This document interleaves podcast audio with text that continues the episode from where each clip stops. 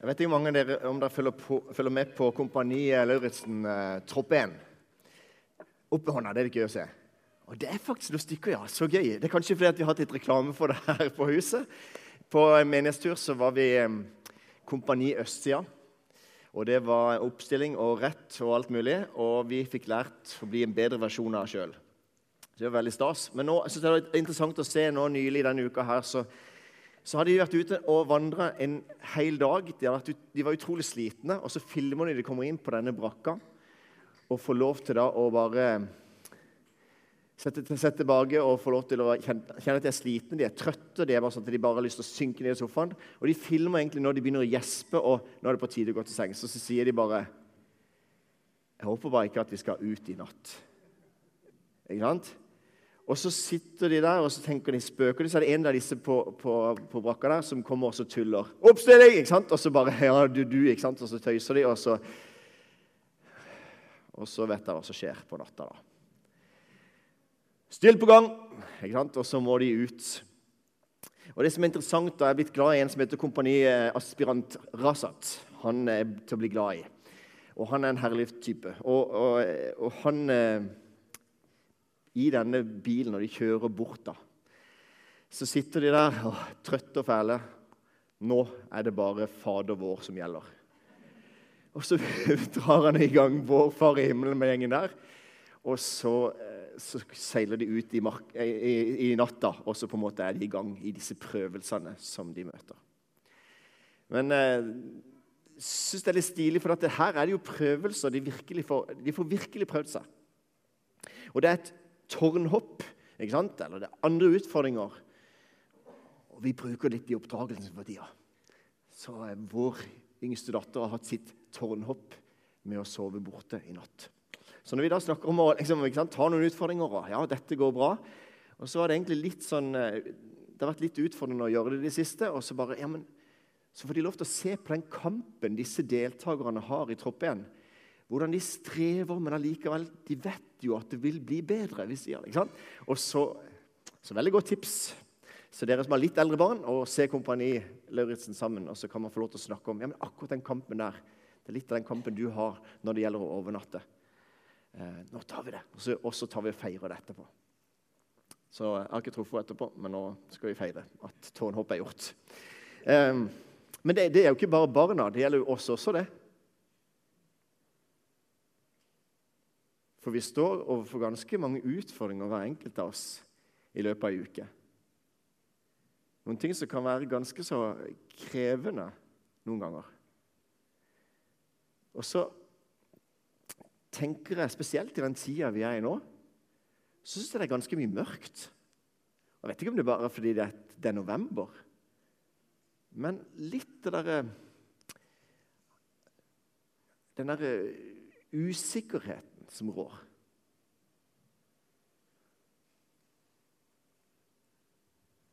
Og så er det litt interessant faktisk at eh, før i tida så var det kanskje Kirka som snakka om dommedag.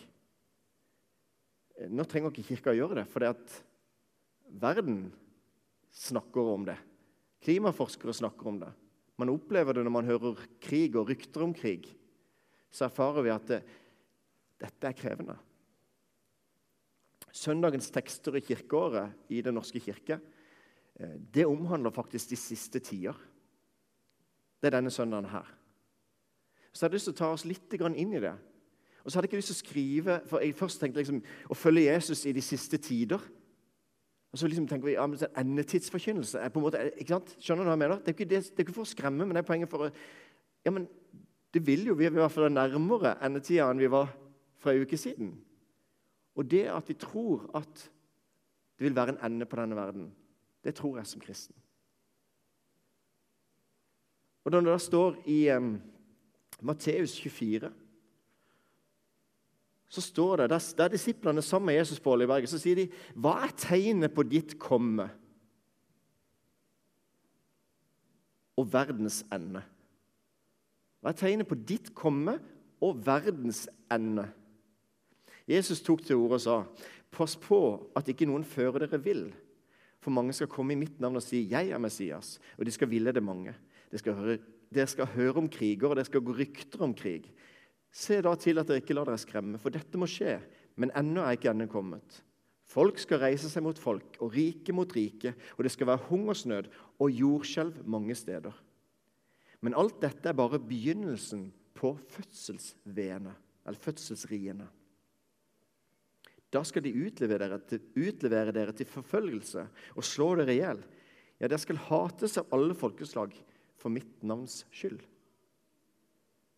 Dette sier Jesus til disiplene. Vi kan gjerne tenke, det, tenke oss at det handler om f.eks. keiser Nero, som det står om i den romerske historieskriveren Tacitus, som skriver om nettopp den forfølgelsen som skjedde gjennom keiser Nero. Som gikk på en forferdelig forfølgelse av de kristne. Det kan godt være det var det han sikta til. At det var en profeti fram mot det.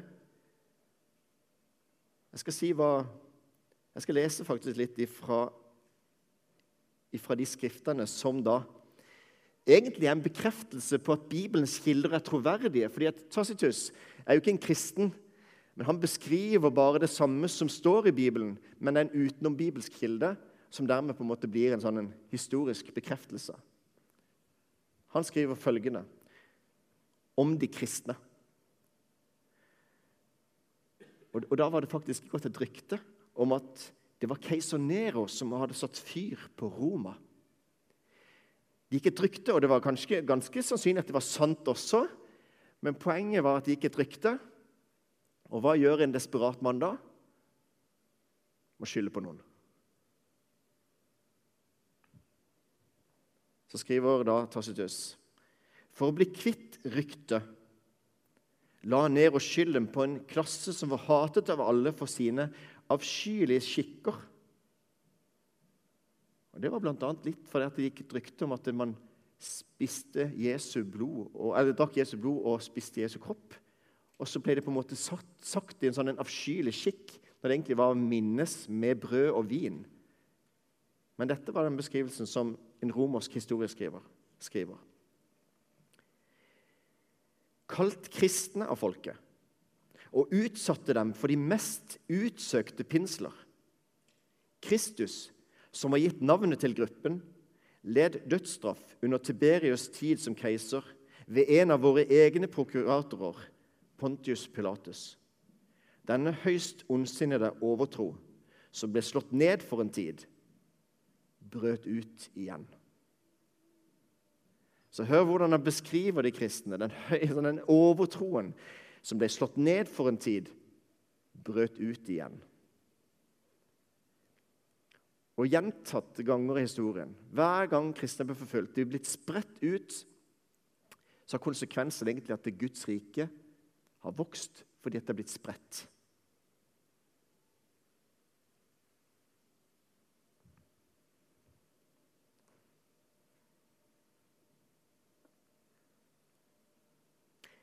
Det er egentlig sånn at eh, man kan bli skremt av mindre, men av og til så opplever jeg det at eh, det kan være krevende av og til også å se at kanskje 360 millioner kristne blir forfulgt for sin tro i dag. Det er Åpne dører sine tall. Og i slutten av, slutten av talen faktisk, så skal vi ta opp en kollekt til det arbeidet som de driver. Og Det handler om å være med og oppmuntre de som er kristne de som opplever å bli forfulgt, så kan vi være med og heie på dem. Vi kan være med og se dem, oppmuntre dem og gi dem trøst. Men vi kan av og til også kjenne på en forfølgelse, en kristenfobi, eller på kroppen sjøl av og til i Norge, i verdens beste land å leve i. Så kan man kjenne litt på, på denne kristenfobien. Eller at det blir satt rykter om at 'sånn er vi', eller 'sånn er de'. Eller, ikke sant? Og så kjenner en kanskje seg ikke igjen i det. Også. Men poenget er fall bare Det er en tanke om at vi skal kjenne det. At vi skal få lov til å Vi blir utfordra i troa. Vi vil kjenne at det er krevende å også tro. Så står det videre i Matteus 24.: Himmel og jord skal forgå, men mine ord skal aldri forgå. Så våg da, for dere vet ikke hvilken dag deres Herre kommer. Men det skal dere vite. Dersom husherren visste når tyven kom, ville han våke og ikke la han bryte seg inn i huset. Derfor må også dere være forberedt, for menneskesønnen kommer i den time dere ikke venter. Det var fra Matteus 24, og som er litt av søndagens tekst i kirkeåret. Og så er det også i 1. Tessalonikerbrev, kapittel 4. Når Paulus skriver der, så skriver han vi vil at dere skal vite, søsken, hva som skjer med dem som er sovnet inn. Dere skal jo ikke sørge som de andre, de som er uten håp. For om Jesus døde og sto opp, og det tror vi, så skal Gud også ved Jesus føre dem som er sovnet inn, sammen med ham. Dette sier vi dere med et ord fra Herren. Vi som fremdeles lever og blir igjen, er helt Herren og blir her helt til Herren kommer, skal slett ikke komme før dem som har sovnet inn. For når befalingen lyder, når erkeengelen, erkeengelen roper og Guds basun høres, da skal Herren selv stige ned fra himmelen, og de døde Kristus skal stå opp først. Deretter skal vi som er igjen og ennå lever, bli rykket bort sammen med dem i skyene for å møte Herren i luften. Og så skal vi være sammen med Herren for alltid. Trøst og sett mot i hverandre med disse ordene kjempeoppbyggelig tema i dag. Men vi har lyst til å forkynne hele Guds ord. Og det er krevende. Og så snakkes det om at i de siste dager skal det være fødselsved, og det skal være sånn trengselstider. Og jeg er pappa til tre barn og vet litt av hva fødselsrier er. Eh, det hørtes litt feil ut, men jeg har fått lov til å se det på nært hold og erfart at dette er krevende. Men det som er interessant Nei, litt feil uttrykk. Det som er det jeg har lært gjennom det, det er at fødselsværene er hyppigere og hyppigere og sterkere og sterkere. Og så sier Jesus da at disse siste tider skal være som fødselsrier. Hyppigere og hyppigere og sterkere og sterkere. Til slutt så skjer det en ny fødsel. Og da er smerten glemt.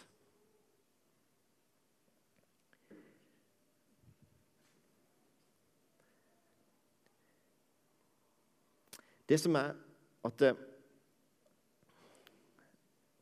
Jeg har jobba mye med på en måte se på liksom, mulig, altså se på endetida og se sånn og sånn. og sånn. Det holdt jeg på mye med for 20 år siden, eller 25 år siden. Jeg var på bibelskole, jeg var veldig fascinert av det. Jeg kjenner på, på meg nå, så, så, er det mer det at alle kristne er enige om at Jesus en dag skal komme igjen. Og Det synes jeg er lett å forholde meg til, istedenfor å si når og hvor. og ditt og datt. Og Det eneste vi vet, er at ikke vi vet når.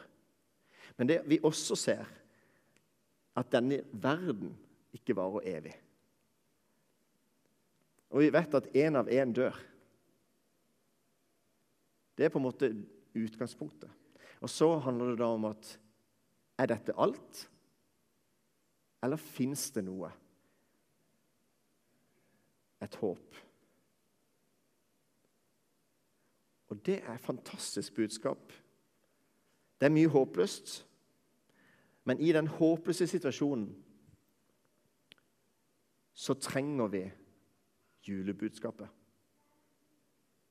I mørket så blir Gud menneske og tar bolig blant oss. Vi skal også ha et arrangement som heter Lys i mørket, som vi har hvert år.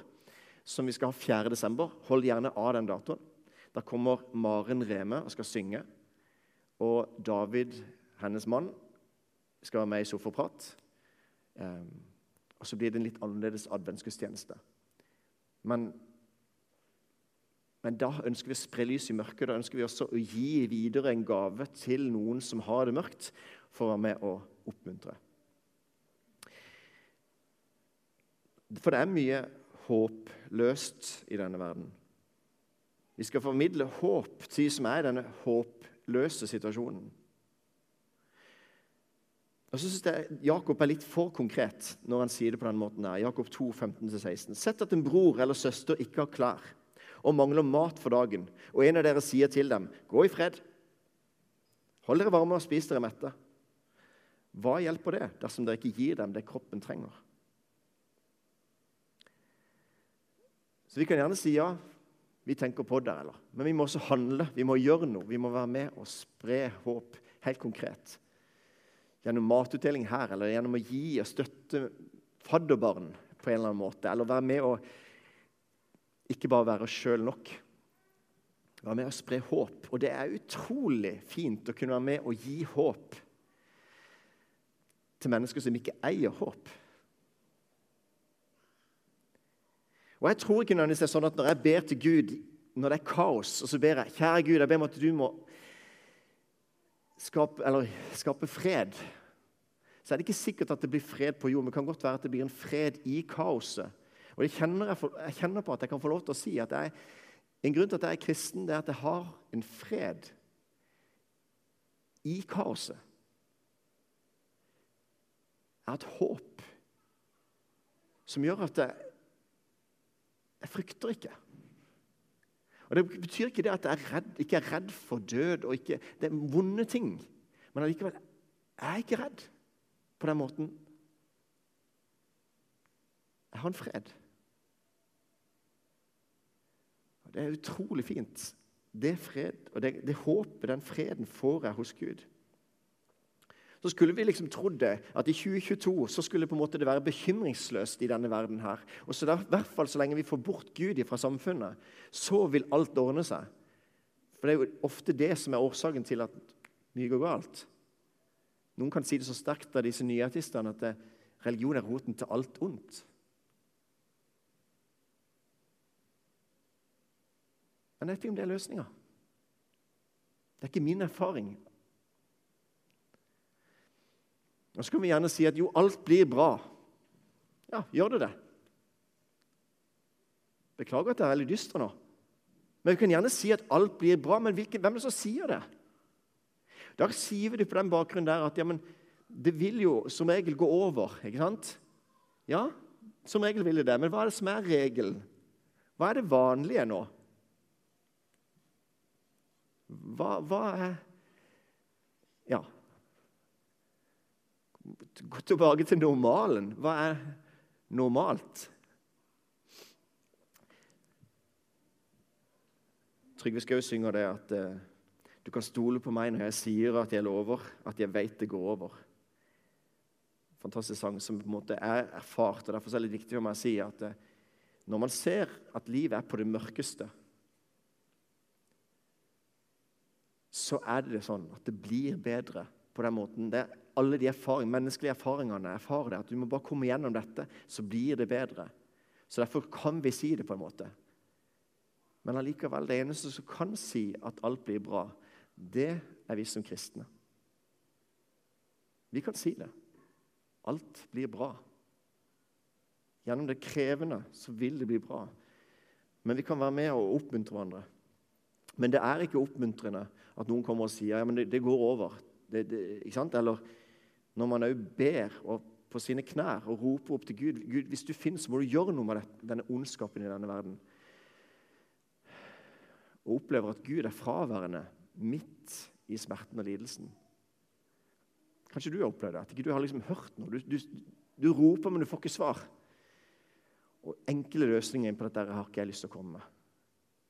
Jeg kan bare dele min erfaring på at når man får lov til å ha et større perspektiv som går utover min akkurat nå-situasjon. Få lov til å utvide perspektivet, for Guds perspektiv og situasjonen. Så hjelper det meg til å få håp. Eller gir meg håp.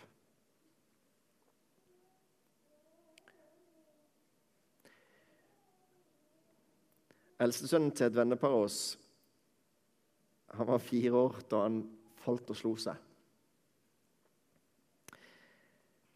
Og Det første han sa, det var ikke au. eller Det første han sier, er 'Det går ikke bra'. Ikke sant? Og hvorfor sier han det? For han er antakeligvis vant med at uh, foreldrene sier 'opp igjen, det går bra'. ikke sant? Så det første responsen er på en måte når du slått deg, fått vondt 'Det går ikke bra'. Og det tror jeg er ganske viktig å gi rom for, at man skal få lov til å ha det vondt. Ikke komme med sånn quick fix og si at det går bra. Det er bare Nei. Vi skal få lov til å være der, og vi skal få lov til å grine sammen. Vi skal få lov til å ha det vondt sammen. Og Det er Bibelen en fantastisk kilde til.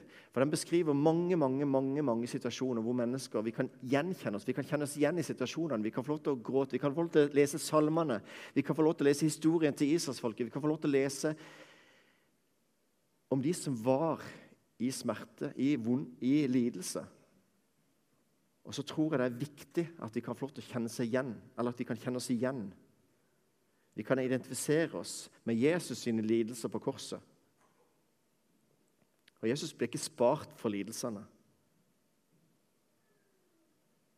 Slavene de visste at Jesus identifiserte seg med, med deres lidelser.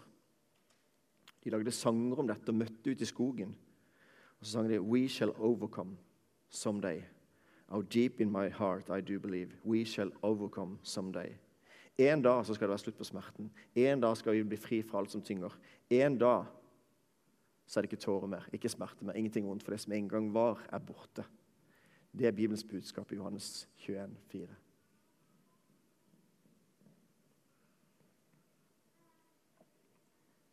I kristen tro så er det rom for de vonde følelsene.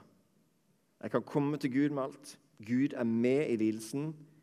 Og det, det beste av alt er at Gud lider med. Gud gråter. Jesus er den eneste Gud som gråter. Det står i Johannes 11 Jesus gråt. Jesus gråter med. Jesus gråter over dødens foreløpige grep på denne verden.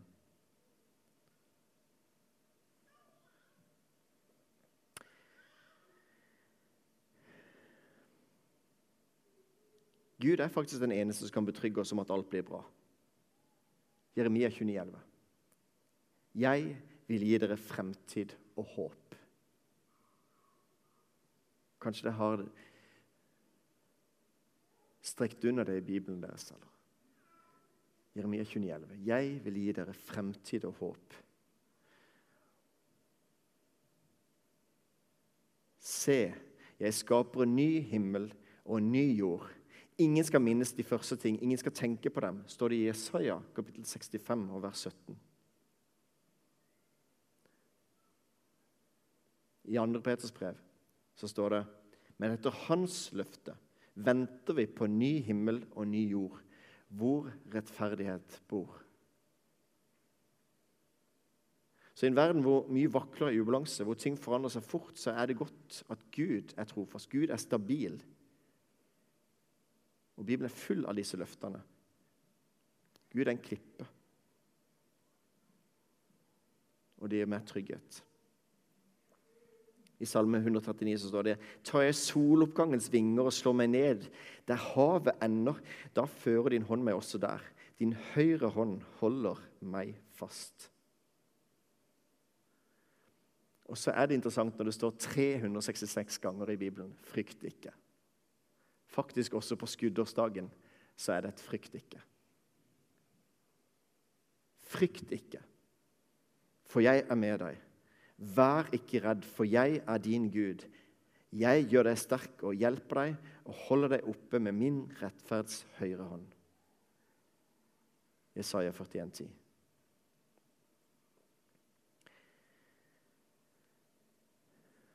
I bibelgruppeopplegget så har Gunn Lisbeth Berge Nilsen undervist eh, nylig om saligprisningene.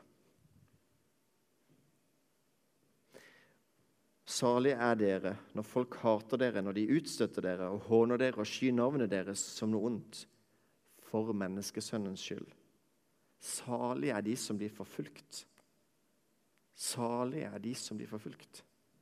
Altså salig lykkelig. Altså det, det, er ikke bare følelse, det er bare en velsignelse. Det er sånn dypere enn alle følelser som går an å finnes. De som blir forfulgt. For Det står i 1. Korinterbrev kapittel 12 vers 26 om ett lem på kroppen her, om ett lem lider Hvis du slår hammeren på, på fingeren din, Da er det hele kroppen som lider. Om ett lem lider, lider hele legemet. Ett lem lider, så lider alle de andre med. Om ett lem blir hedra, gleder alle de andre seg. Så det er egentlig det er, de, det er ikke, menneskene som blir forfulgt, det, er Jesus som blir forfulgt. Og Jesus bor i oss kristne. Så Det er helt vanlige mennesker, men Jesus bor i det, og Jesus blir forfulgt. Og Vi skal være med og støtte kroppen. Um, og Jeg har vært med på bibelsmugling gjennom Åpne dører. Jeg har vært med på, å, på en oppmuntringstur til Egypt, hvor jeg har vært med og heid på de som er kristne der. Og så skal jeg fortelle deg hvem som ble mest oppmuntra på denne oppmuntringsturen. Det var meg. Det å møte denne nonna, den katolske nonna, i et kloster nær Sharm el-Sheikh um, Og jeg ble litt ydmyka. For det liksom, ja, er det ikke litt kjedelig å være her hele dagen? Ikke sant? Å være sammen på en måte, og be og tilbe og sånne ting. Og så står jeg der som pastor. ikke sant? Og så kan det være kjedelig å være sammen med Jesus. Da, da, kjenner du deg ikke veldig i hatten. Men vi har så mye å lære av mennesker som er kristne over hele verden. Og oppmuntre, og da blir en sjøl oppmuntra også. Så vi, vi, vi må heie på dem. Og så gjør vi det gjennom bønn. Og i kirkebønnen i dag så vil Bjørg eh, be spesielt for, for de som er forfulgt. Og så tror jeg vi kan være med og bli oppmuntra til å reise oss opp som Guds folk. Og våge å stå opp for Han vi tror på. Våge å gjøre sånn som Broder Andreas og ikke pingle ut, men å faktisk stå opp for Jesus. Det var litt alt inni her, men jeg håper jeg får fram et budskap. Frykt ikke. Jeg vil gi dere framtid og håp. Og så i denne tida her så trenger vi å stå sammen og stå opp og peke på Jesus. Amen.